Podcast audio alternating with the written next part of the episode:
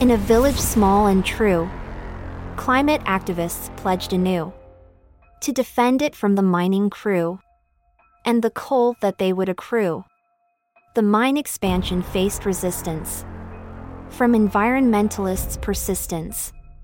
It had become a battleground for the future of the town. But the activists stood their ground, determined to keep the coal unbound. They vowed to protect this little gem from the destruction of the coal stem.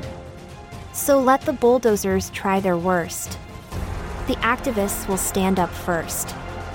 For the sake of the earth, they will fight. And the future they will make right.